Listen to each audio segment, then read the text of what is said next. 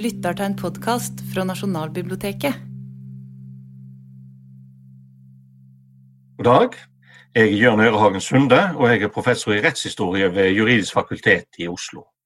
Og I dag så skal jeg ha et foredrag om naboskap og fiendskap. Og Temaet for foredraget er rett og slett hvordan en unngikk konflikter, og hvordan en løste konflikter når de først oppsto mellom naboer før i tida. For det er ubehagelig å ha en nabokonflikt. Du kan sjøl tenke deg hvordan det er å være uvenn med naboen din når han er på andre sida av veggen, på andre sida av oppgangen, eller eventuelt på andre sida av hekken. Nærheten gjør at fiendskap blir ekstra ubehagelig. Slik var det òg før i tida, men det var egentlig noe verre. For 150 år siden så bodde de fleste nordmenn i et tun. Det vil si at du alltid hadde andre veldig tett på deg. I tillegg så var det mange som bodde i samme huset, men ikke minst var det en god del folk som bodde i samme. Det vil si at du hadde to eller flere familier som bodde hver dag, hele dagen, i ett og samme rom. Men ikke bare bodde folk nært før i tida, men de var avhengige av hverandre i en arbeidsfellesskap. Skulle du dra opp båten din, skulle du ta opp en stor stein fra et jorde, skulle du bake lefse og flatbrød Alt dette skjedde i samarbeid med andre, og da først og fremst naboene dine. Så hvis du kom i konflikt med naboen, så ødela du et av de viktige fellesskapene som var ei driveining i samfunnet, i lag med ekteskapet. Så naboskap det var viktig, og derfor så ble naboskapskonflikter sett på som noe unaturlig, noe nesten magisk, ja rett og slett ren djevelskap. Og Dette ser vi når vi ser på trolldomssakene som florerte i Norge på 1600-tallet, men fremdeles fantes på, på 1700-tallet. Veldig ofte så kommer en skulding om trolldom i naboskapsforhold, og det er for å forklare hvorfor det gode naboskapet har brutt sammen. Et ekstremt tilfelle i, i, har vi for Tysnes, ei øy som ligger sør for Bergen. På begynnelsen av 1700-tallet hadde vi der tre naboer som hadde vært venner og vel forlikt over lang tid, før det begynte med krangel, og så utvikla det seg til skjellsord og til slutt til rent slagsmål. Og Dette ble jo en rettssak, og sorenskriveren han ville vite hva var årsaken til dette eh, dårlige naboskapet. Og Da var det en av vitnene som sa at han hadde sett djevelen kviskre noe inn i øra på han som starta krangelen. Og dette trodde folk på, rett og slett fordi som sagt, naboskap, når det brøt sammen, så måtte det være noe djevelskap på ferde. Så da at du skulle elske nesten din, det var ikke noe ideal, det var rett og slett en nødvendighet i tidligere tider. Da at folk bodde tett på hverandre, og var avhengige av hverandre. Det gjaldt jo de fleste som bodde i det vi kaller i gardstun, altså de som bodde på flerbølte gårder. En flerbølt gard er en gard som er delt opp i flere bruk, og på hvert bruk så sitter det en familie. Og Bor du i et tun, så bor det dermed flere folk i lag. Et tun det var rett og slett den norske landsbyen, slik vi fant de nedover i Europa, i Frankrike, i, Tyskland, Italia, Sveits osv., men også på de britiske øyene. Fordi et eh, mangebølt tun, eller et gardstun, eh, der bodde det jo flere familier, og hver familie drev en gard, og på hver gard så fantes det mange eh, hus. Du måtte jo ha et stovehus, det var der du bodde. og Så måtte du ha et stabbur, det var der du lagra mat og klær, men der hadde du òg gjesterom. Og så måtte du ha ei løa, der hadde du høy og slike ting. Unnskyld, eh, der hadde du kydno, kanskje en gris. Så måtte du ha en låve, der hadde du høy og slike ting. Gjerne hadde du et eh, sauehus, et smalahus. Kanskje hadde du en stall. Kanskje hadde du et eh, eldhus. Det var, et slags grovkjøkken der du bakte. Av og til var eldhuset kombinert med smio, men av og til var smio et eiehus. Og så måtte du ha naust som lå nede ved sjøen, du måtte ha ei skytja, som det heter på min dialekt, eller et vedskjul f.eks., osv. Som dere hører, etter hvert ble det veldig mange hus. På et vanlig gardsbruk var det gjerne åtte hus. Disse lå i sirkler der stovehuset lå innst mot hverandre, sånn at alle som bodde på tunet, bodde i utgangspunktet med huset vendt mot hverandre i en indre sirkel, gjerne med et tuntre i midten.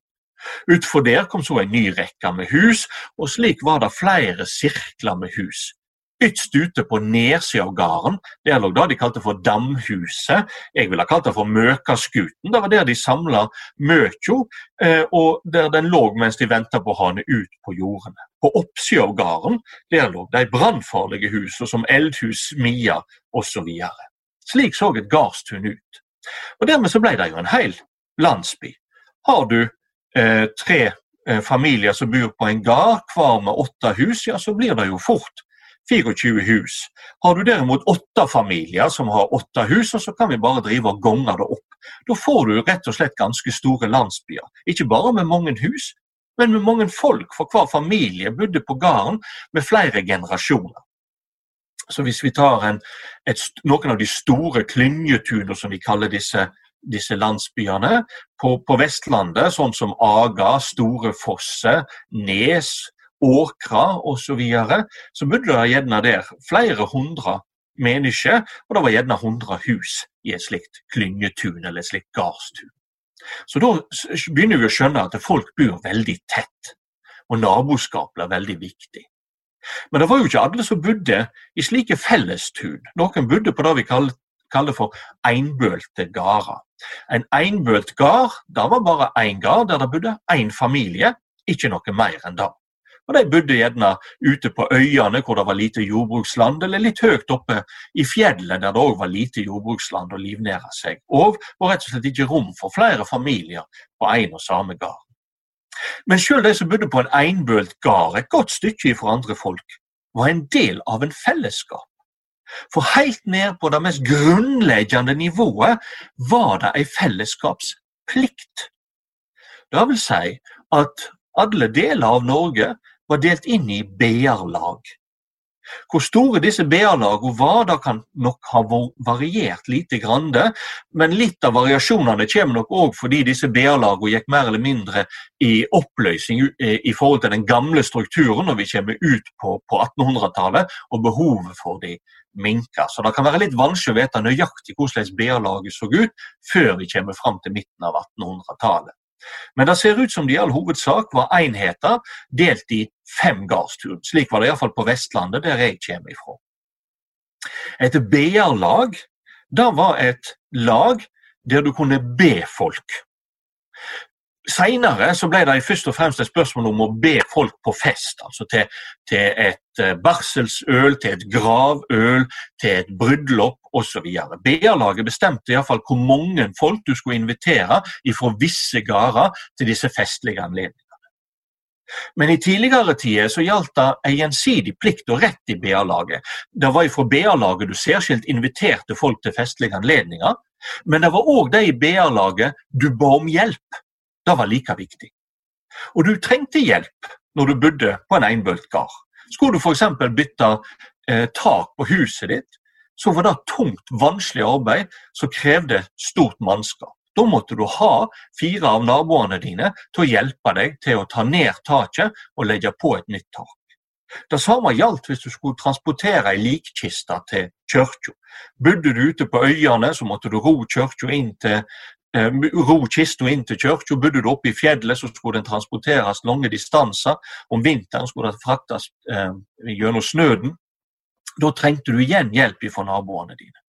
Så BA-laget var helt nødvendig for at folk skulle greie seg, og alle var altså en del av et BA-lag.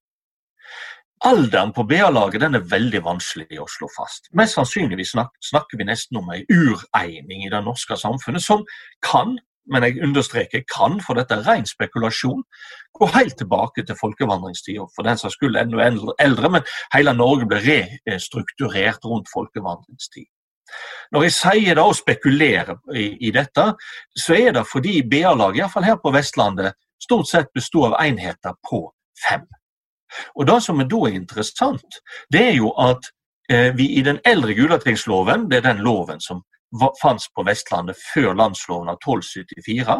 I den eldre Gulatingsloven så har vi en regel om at hvis det står menn i en flokk, og en flokk det er alltid fem personer En flokk med en fast nemning på fem personer, nett som konge med en fast nemning på 20 personer, f.eks.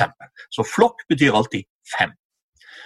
Hvis det står fem menn i en flokk, og én av de blir drepne, ja, da har de fire andre plikt til å forfølge drapsmannen.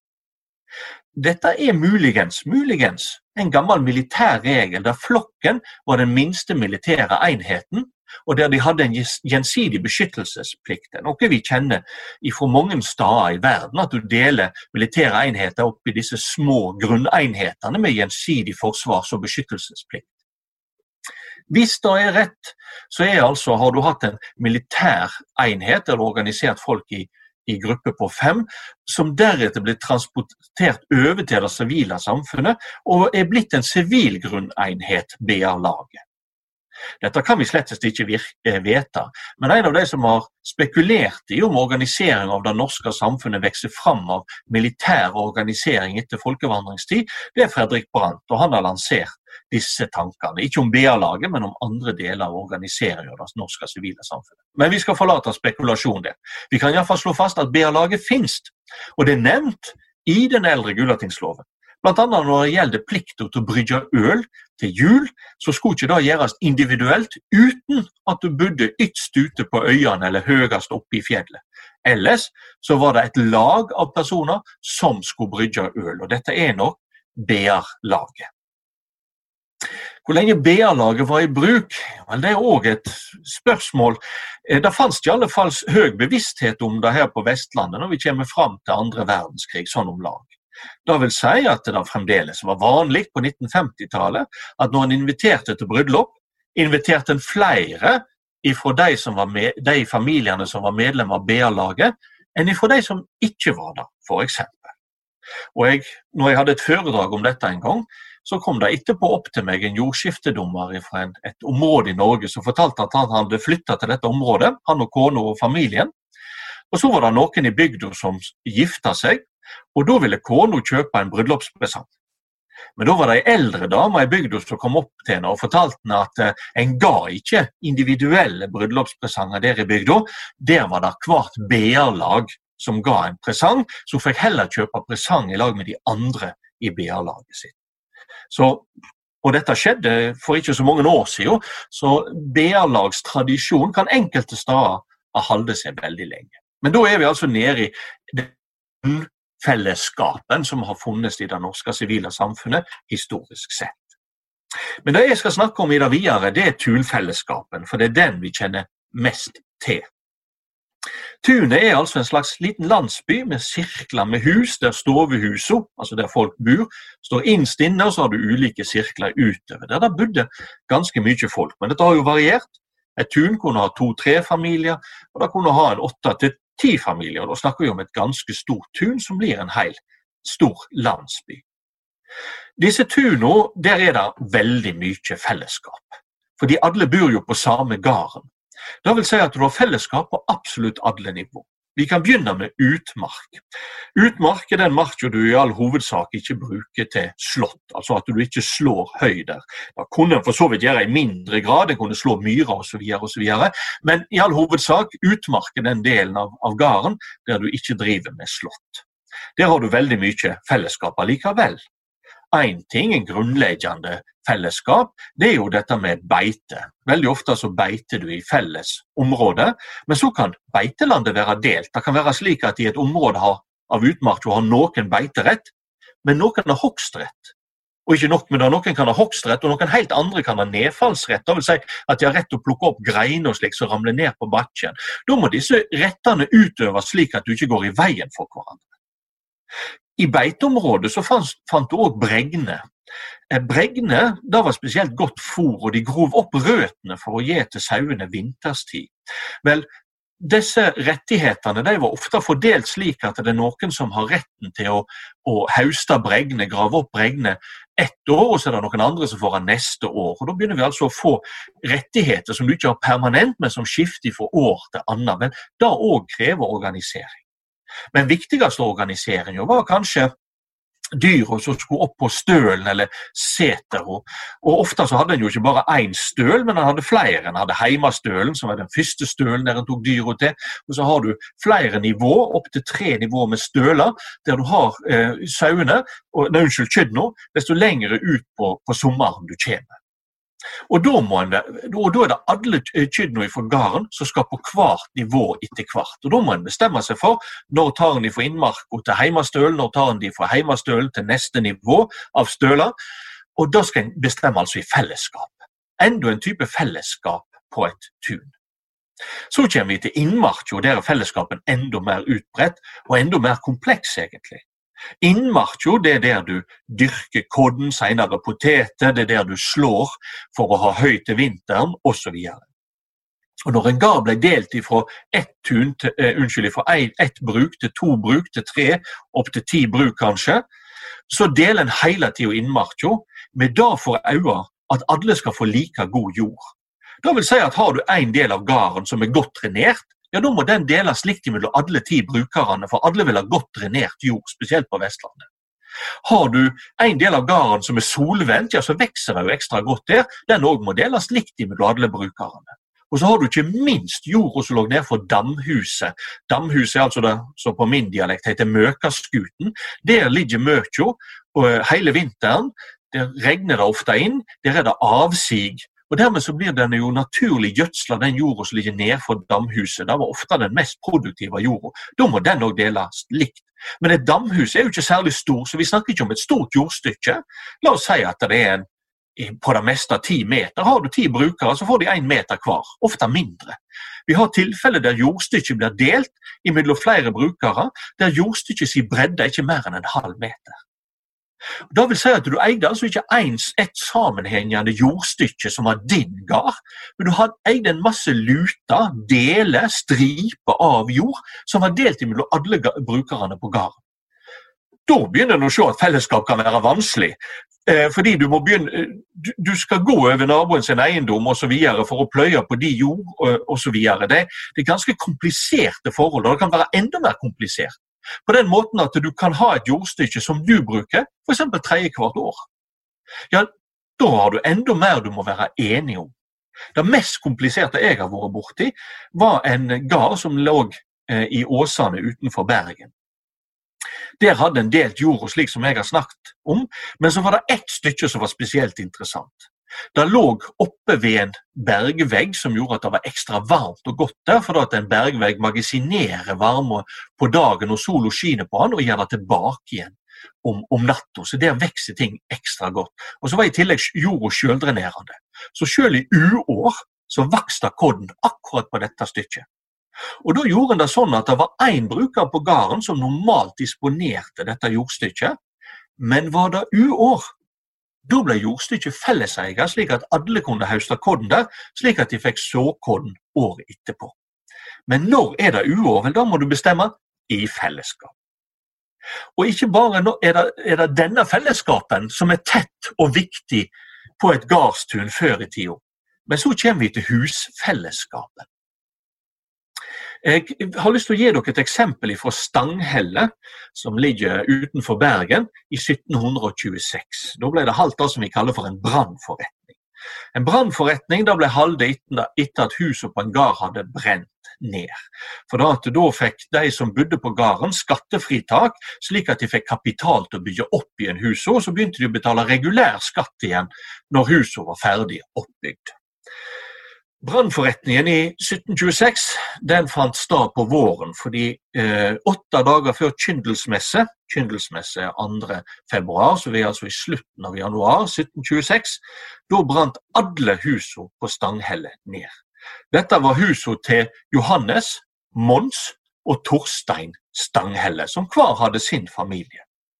Og Det som brant, var først to borgstover. Borgstover var et hus der tjenerne bodde.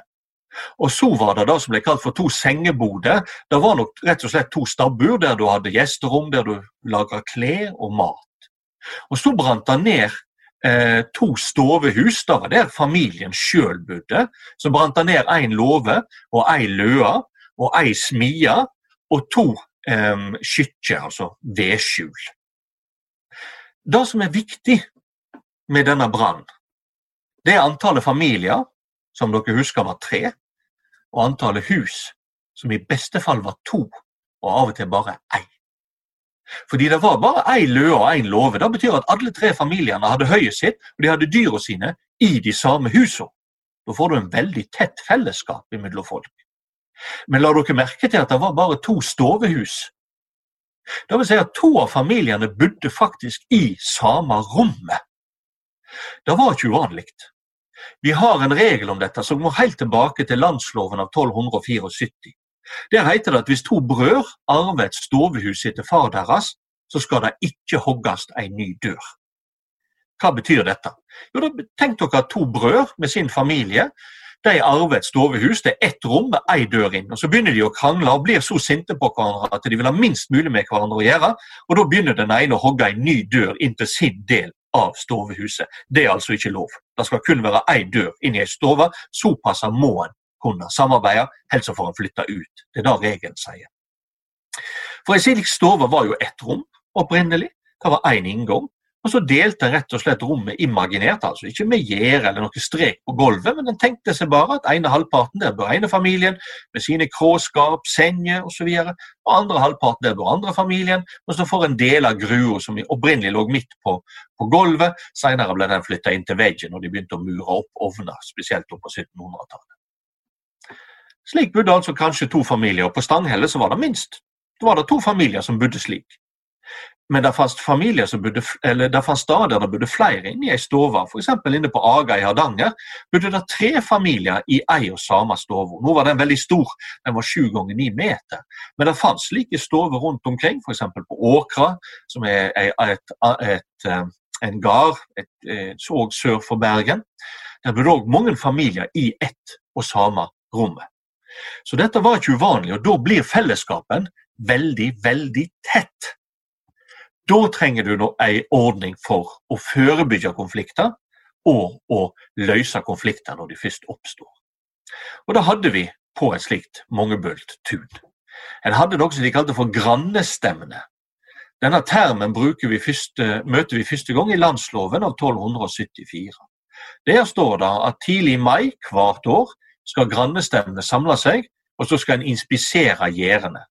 Poenget med det var at en skulle se til at alle gjerder var vedlikeholdt. Hvis de, en ikke var enige om at gjerdene var sterke nok, så skulle de vedlikeholdes. Slik at hvis et dyr brøt seg gjennom gjerdet, så var det den som hadde ikke vedlikeholdt gjerdet, som var erstatningspliktig. Eller hvis alle var enige om at gjerdet var godt nok, ja, da var det ingen som ble erstatningspliktig. Så dette var en veldig viktig ting som skjedde på alle gardstur hver eneste vår. Og dette var faktisk etter landsloven av 1274 lovpålagt. Landsloven snakker ikke om grannestevne noe videre enn dette. Men vi vet fra mange andre kjelder at grannestevne har vært et ganske omfattende organ i norsk rettshistorie, og veldig viktig for å regulere naboskapsforhold. En som har skrevet om dette, Kristian Østberg. Han var statsstipendiat.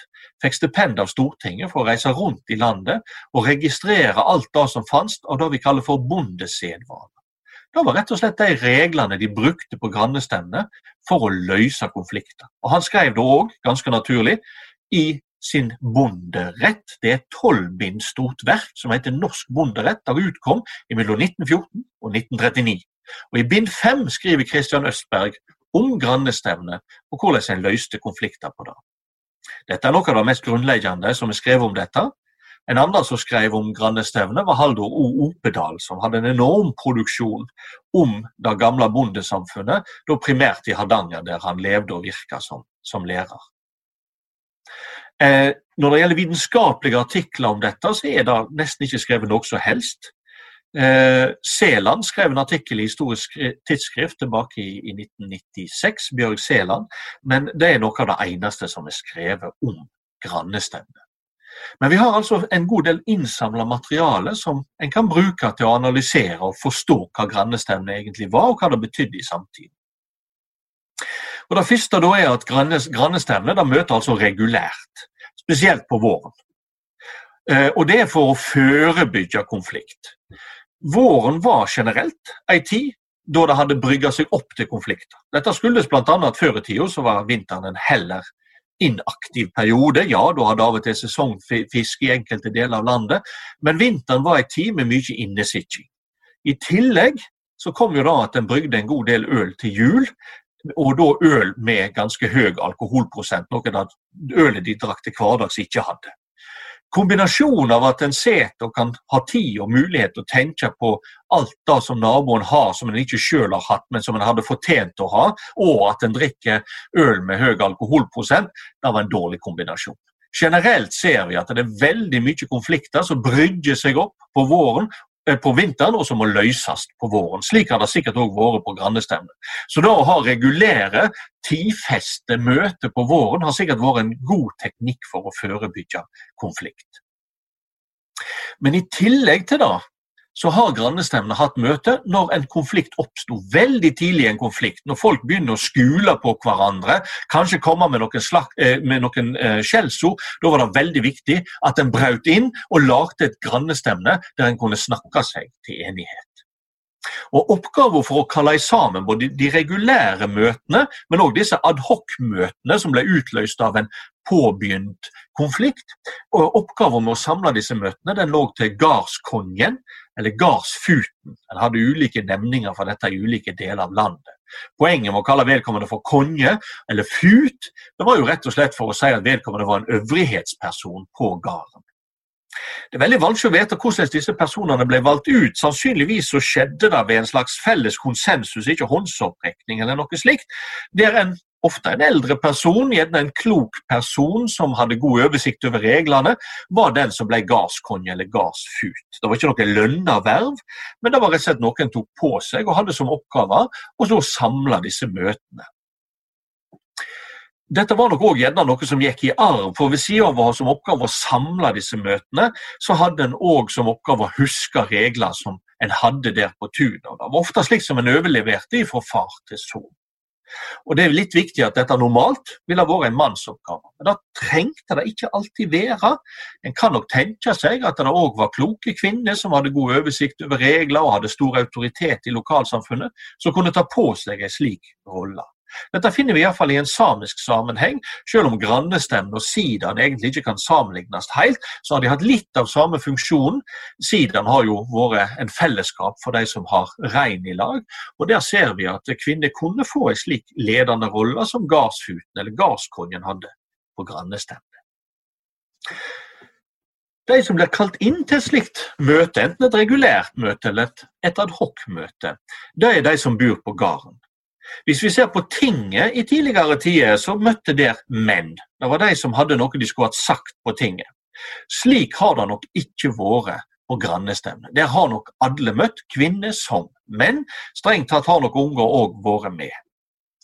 Grunnen til det er at kvinner har en helt annen rolle på tunet eh, enn hun har på andre offentlige arenaer. Dette kan vi se hvis vi igjen går tilbake til den eldre Gulatingsloven. Den eldre Gulatingsloven kjenner vi all hovedsak fra et manuskript, Ranshaug-manuskriptet, som er skrevet midt på 1200-tallet, og så inneholder den komplette Gulatingsloven. Men vi har òg Gulatingsloven bevart fra et ganske stort manuskript, men det er ikke komplett, fra helt slutten av 1100-tallet, kanskje begynnelsen av 1200-tallet. Og I dette manuskriptet, ikke i Randshaug-manuskriptet, men i dette manuskriptet, så har vi en regel som handler om kvinner som vitne. Kvinner kunne i utgangspunktet ikke møte på tinget, de var derfor heller ikke vitne normalt i rettssaker. Men hvis rettssaken gjaldt drap som du kunne se ifra tunet, ja, da var kvinna fullverdig, et fullverdig vitne ifølge dette manuskriptet. Og Jeg tenker at det er et utslag av en generell tankegang alt som ei kvinne kunne se i ja, der var hun like mye en rettslig aktør som da mannen var. Og Derfor så tror jeg altså at kvinner har møtt på grannestevne til liks med menn. En annen grunn var jo at en hadde ikke noe problem når det gjaldt stemme og stemmeopptelling på grannestevnet, slik en hadde på tinget. På tinget avgjorde en ting eh, etter hvert med håndsopprekning. Slik gjorde en det ikke på grannestevnet. Årsaken til det var at eh, naboskapsforholdet er så tette at da å stemme og erklære noen som vinner i en konflikt og noen som taper i en konflikt, det kan føre til mer fiendskap enn det du løser opp. Derfor er det veldig viktig at du ikke løser konflikter slik med enkel stemmeavgivning, slik at du risikerer at noen stadig blir tapere i disse fellesskapsdiskusjonene, går sur og ikke vil være en del av fellesskapen lenger. I stedet for så prater en prate seg rett og slett fram til enighet. Alle som har bodd på landsbygda, iallfall folk som er så gamle som meg og vokste opp der på 70- og 80-tallet, vet at av og til så kunne det komme en nabo på besøk, og de pratet lenge om vær og vind og slektskapsforhold og slektninger, og så fikk de kaffe, og så fikk de noe å ete, og når de satt vel og lenge og bare snakket nonsens, så reiste de seg, og da sa de gjerne «Eh, Men forresten så var det en ting. Og da kom det som de egentlig hadde kommet for, og da var det gjerne en eller annen slags potensiell konflikt, uenighet, som skulle løses. Sånn må grannestemmene òg ha fungert. En pratte. En pratte, ikke alltid om saka engang, men en pratte seg fram til fellesskapsfølelse, sånn at den det var lett å komme fram til enighet. En har rett og slett prata konfliktene i senk, og en har ikke hatt det travelt, en har hatt god tid. Slik løste en konflikt. Altså ikke med å erklære noen som vinnere og tapere, men å, skape, men å skape fellesskap og konsensus gjennom prat. Slik var det grannestemmene fungerte. Men så hadde en jo ofte regler, og det var altså gardsfuten eller gardskongen sin oppgave å huske disse reglene. For når en hadde pratt seg fram til en enighet, ja, så var en kanskje blitt enig om at to uker etter en eller annen messe, ja, da skulle en alltid ta kydden opp på heimastølen f.eks., osv. osv. Da hadde en en regel å falle tilbake på, i senere tilfeller. Men så kunne det jo være at av og til var vinteren veldig lang. ja Da måtte en utsette dette. Da måtte du ha et nytt grannestevne for å diskutere det vekk fra regelen i dette unntakstilfellet osv. Så, videre. så en hadde veldig mange regler eh, som en kunne snakke seg bort ifra. Men da var det altså gjennom konsensus og fellesskapsavgjørelse. Og det var altså disse reglene Christian Østberg samla i tolv bind, Norsk bonderett, som ble gitt ut mellom 1914 og 1939. Så tunet har altså vært en plass for konfliktløsning, en ekstremt viktig plass for hverdagen til folk. De aller fleste var kanskje aldri borti lovregler og borti domstoler og lensmann i løpet av hele livet, men derimot denne typen konfliktløsning ja, den var det stadig eksempel på i hverdagen på et gardstun. Hvor lenge dette varte, da varierer litt med utskiftningene som virkelig skjøt fart etter 1850 i Norge, så oppløste en jo fellesskap. Altså En oppløste fellesskapen først i innmark, med at folk fikk sammenhengende jordstykker. Og så flytta de ut huset sitt i Fortunet og plasserte det på gården. Det var da du fikk den topografien, kan vi si, eller den bebyggelsen av det norske landskapet som vi har i dag, der du finner spredt bosetnad. Folk bodde altså opprinnelig ikke så spredt mange steder i landet. De bodde i disse tunene. Men det ble altså oppløst med utskiftningene fra 1850 av og utover. Og når du fikk mindre fellesskap, fikk du mindre bruk for grannestemmene. Du hadde jo fremdeles fellesskap i utmark, men når vi kommer, ja, spesielt etter andre verdenskrig, så ble mer og mer av den fellesskapen òg oppløst. Men grannestemmene forsvant ikke ut av bruk før i løpet av første halvdel av 1900-tallet. Da ble det mindre og mindre av. Men det fantes grannestevner og, og, og gardsfuter, gardskonger, selv etter andre verdenskrig. Jeg har et eksempel fra sør for Bergen, der en skulle selge fallrettigheter i elva til et kraftselskap. og Da måtte en eh, eh, kalle inn gardskongen på den gården, for det var han som visste hvilke brukere som hadde hvilken type rettigheter til fall i elva, f.eks.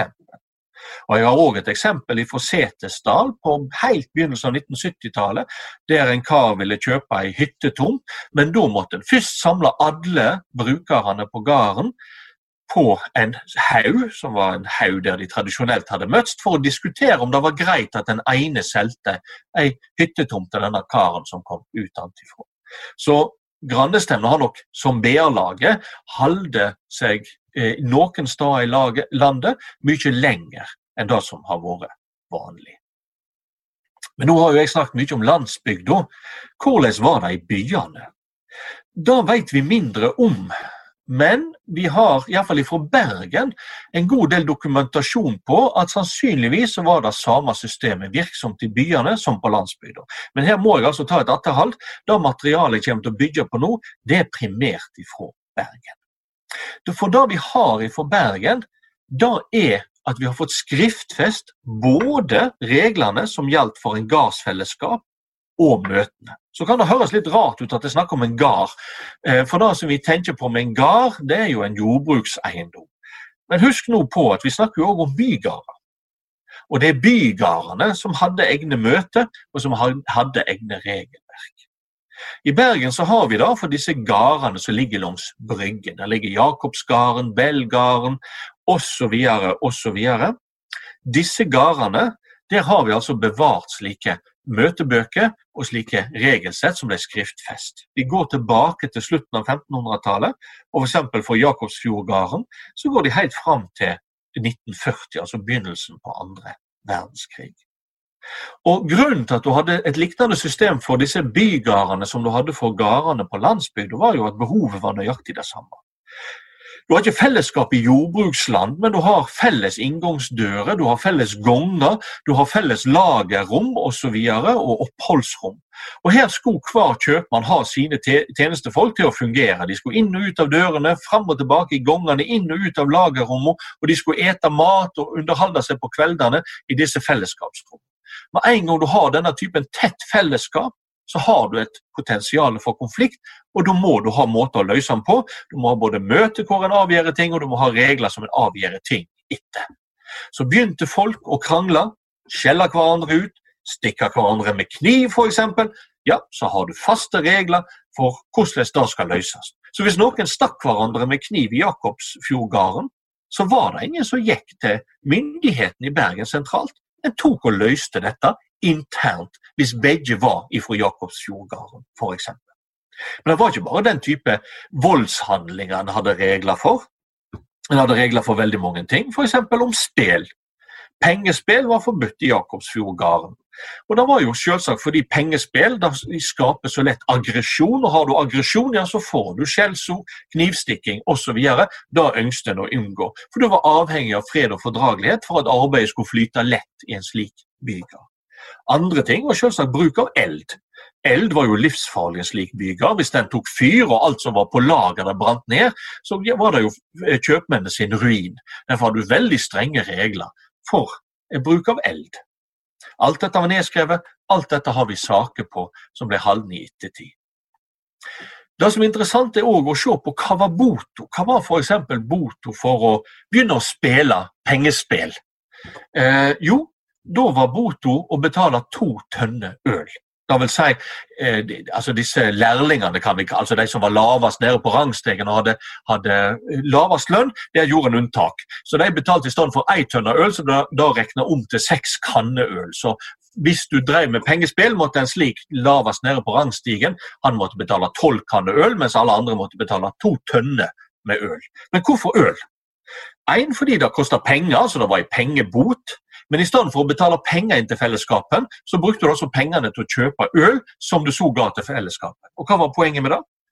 Jo, fordi at en straks, når dommen var felt og bota betalt, så skulle en drikke øl i fellesskap. En skulle drikke seg til vennskap igjen. For det er jo det som var formålet med disse reglene. Oppnå fred og fordragelighet, slik at en kunne fortsette samarbeidet som tidligere. Det er mulig òg at disse rettene, disse naborettene, som en kanskje kalte det inne i byene, hadde videre fullmakt. I fall, ikke kanskje fullmakt, men iallfall hadde en praksis som gikk utover det som jeg fortalte nå. Det har vi ikke mye eksempel på. Det er spesielt én sak som jeg har festa meg med. Den er fra 1780-tallet. Det er en småkriminell fra Sandviken utenfor Bergen som en dag går langs Bryggen. Så kikker han inn en åpen port i av disse, en av disse bygardene, og så ser han ei stor tønne med fransk brennevin. Og så er det ingen folk der, så han tar rett og slett og kvelver over tønna. Triller opp til det området som i dag er Torvaldmenningen i Bergen. Så slår han hull i låket på tønna og begynner å selge billig fransk brennevin til de som går forbi. Det er jo lukrativt. Men Omtrent samtidig så kommer kjøpmannen tilbake til lagerhuset sitt, oppdager at ei tønne fransk brennevin er borte, sender tjenerne sine ut i byen for å finne tjuven, Og de finner han jo oppe på Torvaldmenningen, der han stjeler fransk brennevin. Og de tar med seg både tjuven og tønna tilbake til kjøpmannen. Der bestemmer kjøpmannen at han skal straffes. Og Han skal straffes med at han blir hengt opp ned i et tau som går gjennom ei talje. Så har de ei svær tønne med vann under, og så firer de han opp og ned i den tønna med vann. Det er rett og slett eh, simulert drukning, waterboarding, heter det på Guantánamo Base. Og Det er en form for torturmetode, rett og slett. Og Når han er helt utsliten, slenger den ut på bryggen og er ferdig med det. Grunnen til at vi vet noe om dette, er jo fordi han senere blir tatt for et nytt tyveri. Og i avhør så tilstår han alle tyverier han har gjort seg skyld i, inkludert dette, men han sier at for dette tyveriet er jeg allerede straffa. Sorenskriveren i rettssaken spør da hvem var det som bestemte at du skulle behandles på denne måten. Var det kjøpmann eller var det naborett? I dette tilfellet var det altså kjøpmann. Men sorenskriveren er altså opptatt av at det finnes naboretter som tydeligvis, etter sorenskriverens mening, kunne ha avgjort saken på samme måten. Så Det betyr at ikke bare hadde du en internjurisdiksjon i disse bygardene, som Jakobsfjordgarden, men det ser ut som at du òg hadde en jurisdiksjon, en slags straffejurisdiksjon over de som kom inn og gjorde hærverk eller tyveri i din bygård, uten at det ser ut til at sorenskriveren bryr seg i det hele tatt. Sorenskriverens reaksjon på dette er bare å konkludere med at private sin straff kan ikke frasta staten dens rett til å straffe, og ferdig med den. Sånn at sorenskriveren har ansett dette som helt legitimt. Sånn kan det òg ha vært på landsbygda. Vi vet ikke så mye om det, men vi har ei sak fra Hedmarken fra 1820-tallet den er beskrevet av en engelskmann som var så imponert over hvordan dette foregikk. Det var nemlig en kar som av ulike grunner lå i konflikt med naboene sine. og Til den ene naboen hadde han da tatt og skåret opp fiskegarnet hans. Eh, og Da ble det sett en slags naborett som avgjorde at han skulle enten betale erstatning for garnet, eller lage et helt nytt garn som erstatta det han hadde ødelagt for naboen sin. Så Vi har disse små dryppene som indikerer at disse naborettene eller på landsbygd og grannestemmene kan ha hatt en større autoritet og et større virkeområde enn da en kanskje ser ut av materialet som Christian Østberg eh, behandler, f.eks. Men hvor effektive var disse naborettene? Sannsynligvis var de ekstremt effektive. Fordi Hvis du ikke ville bøye deg for fellesskapen, så hva gjorde du da når du skulle dra båten din opp? Når du skulle ha en stor stein ut av jordene dine, eller du skulle bake lefse og, og flatbrød? Vel, Du var hele tida avhengig av naboene, men hvis naboene ikke vil jobbe med deg, ja, da er du ekskludert fra fellesskapet, og det er veldig vanskelig å drive gården sin. Så den eksklusjonsmuligheten, at du blir en eh, uønskst person på tunet som folk ikke hjelper, den må ha vært veldig motiverende for å bøye seg for fellesskapen og gli inn i den og eh, eh, føye seg etter hva, hva, de andre mener er rett. Men så vet vi jo av erfaring at slik er ikke alle personer. Psykopater har det funnes til alle tider. Jeg har i mine undersøkelser funnet f.eks. en William Tæler, han er fra Telavåg, denne, dette fiskeværet som tyskerne brant ned under krigen. Han var en som lå i, konflikt med absolutt alle naboene sine hele tida gjennom hele livet, som ingen ønsket å ha noe med. Han var en slik psykopat. En annen psykopat fra omtrent samme område var Johannes Espelid. Om ham ble det sagt at han var fæl når han var edru, og han var enda verre å ha med å gjøre når han var full. I hans tilfelle gikk det faktisk så langt at naboene anmeldte han, så han ble satt i fengsel. og Der skulle han sikre til han hadde lært å oppføre seg det er en litt morsom sak, for etter to år så begynte naboene å få problemer med at hans del av, av, av gården var jo ikke vedlikeholdt. Han vedlikeholdt f.eks. ikke gjerdene sine. Så de gikk igjen til styresmakten og spurte om det ikke kanskje var på tide å slippe han ut. Og Da gjennomførte de et eksperiment. De skjenka han full på brennevin for å se hvordan han oppførte seg. Og siden han oppførte seg ganske greit, så slapp de han ut. Altså etter to år etter å ha skapt mye problem for naboene sine over en 20-årsperiode. Så der fantes altså ulike virkemidler for, i forhold til slike psykopater. Og de hadde et eget rettslig institutt for det, nemlig nabohev. Vi møter det kun én gang i lovgivning. Det er en lov som gjaldt kun for Vestlandet.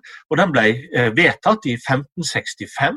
og Da er nabohev brukt som term. og Det er veldig tydelig at det er underforstått at alle vet hva det å være nabohev er. Det vet jo ikke vi. Jeg tror ikke dere vet det. Jeg visste det iallfall ikke. Men så var jeg så heldig at jeg fant ei rettssak fra 1786, der sorenskriveren akkurat hadde kommet fra Danmark. Og når det ble sagt at noen ikke var nabohev, så skjønte han ingenting, så han måtte spørre meddomsmennene sine, de leke bøndene fra området, hva nabohev var for noe. Og de sa at da å være nabohev var å være skikka til å være nabo. Og Dette skrev sorenskriveren ned som en forklaring, og dermed så kunne jeg lese det og endelig forsto jeg hva nabohev var for noe. Nabohev var altså å være skikka til å være nabo. Og du kunne gå til rettssak og kreve å få noen erklært for å ikke være nabohev. Altså, Da må vi tenke oss at du har en tunfellesskap, du har en masse fellesskap i utmark, ikke minst i innmark, og til og med delvis en husfellesskap. Og så er det noen som hele tida er vanskelig, kanskje en psykopat som bare trenerer eh, fellesskapen. Og til slutt så gir du opp. Du greier ikke å tvinge vedkommende inn i fellesskapene gjennom isolasjon, og da går du til domstolen. Og så krever du at vedkommende skal bli erklært for å ikke være nabohev. Hvis vedkommende da er en leiglending, og da var det veldig mange som var i Norge, da vil si at du leier jorda di, ja, da blir jordeieren forplikta til å kaste deg av gården. Og Det var et veldig tap. For det første så har du jo mista jorda du har bearbeidet og dyrka opp. Men i tillegg så mister du en del av kapitalen din. Fordi som leielending så betalte du en fast sum, en stor sum, når du begynte å leie gården. Og Desto lengre du drev den gården, desto mindre, mer fikk du jo brukt av den summen. Ble du kasta av gården fordi du ikke var nabo, fikk du ingenting tilbake. Og Det gjorde jo at hele kapitalen som du hadde investert i gården, den er dermed tapt. Så dette var et ris bak speilet overfor de som var ekstra vanskelige. Men hva så med de som eier gården sin, men bor i en tunfellesskap i lag med andre? Da vet vi mindre om. Vi har bare ett eksempel. Det er det Christian Østberg som har funnet. Det er fra eh, Høve, som ligger i Hol kommune i Hallingdal. Og Der var det en odelsmann som eide gården sin, men som var så vanskelig og hele tida krangla med naboene, at han i, på eh, 1770-tallet undertegnet en kontrakt, en avtale med naboene, om at hvis han fortsetter med all djevelskapen sin, ja, så må han selge jorda si til noen i familien som har odel på han, men han sjøl må flytte ut. Men Dette har vi altså bare ett eksempel på, og det er en kontrakt som ble skrevet i Hallingdal på 1770-tallet. Men du hadde altså til og med virkemiddel, men da måtte du ut av tunfellesskapen og inn i kongens domstolssystem for å få den type tvangsmiddel iverksatt. Men stort sett så har nok disse tunfellesskapene greid å løse sine konflikter ut ifra de reglene vi hadde, og de gjorde det veldig lenge. Iallfall fram til 1850-tallet, men i stor grad fram til andre verdenskrig. Men etter da så har den type regler både for bygårder og for landsbygda, forsvunnet. Det betyr ikke at vi ikke har slike regler fremdeles, men vi har de på helt andre felt. For så har jo burettslag sine styr og sine burettslagsregler det er egentlig en fortsettelse av dette gamle systemet. Sameie har sine ordninger, f.eks. Så dette lever videre. Og på et høyere nivå så har vi alle nemndene som vi har. Eh, konfliktråd og, og, og, eh, slike ting, som i all hovedsak løser de fleste konflikter. I Norge i dag så behandler domstolene ca. 85 000 rettssaker. Mer enn 65 000 av dem kanskje 67 000-68 000, er straffesaker. Så sivile saker, da har vi bare ja, 15 17 18 000, alt, alt etter sånn. Mens derimot alle disse andre konfliktløsningsorganene, nemndene våre, og konfliktråd og alt dette, de løser flere hundre tusen saker hvert eneste år. Så fremdeles har vi den tradisjonen i Norge at stort sett så blir konflikter løst utenfor domstolene i ulike det vi kan kalle private rettslige organ. Noen av nevndene for all del, og konfliktråd osv. er jo dog statlige organ. Men den gamle tradisjonen lever altså videre i dag, men i helt nye former. Tusen takk for meg. Det, altså, man kan jo ikke oppdage en sånn historie uten å bli litt sånn i Se og Hør-modus, selvfølgelig. Dette er pikant. Rett på! I samlingene til Nasjonalbiblioteket så finnes det spor etter et helt hav av dunkle drama og glemte liv fra Norges historie. I podkasten Gamle greier, så skal jeg, Askild Matre Vossarø, fra det lille studioet midt i kjelleren under Nasjonalbiblioteket i Oslo, nøste opp de her mysteriene. Det er en voldsom kjærlighetshistorie, rett og slett. Abonner på Gamle greier gjennom den podkasttjenesten du bruker.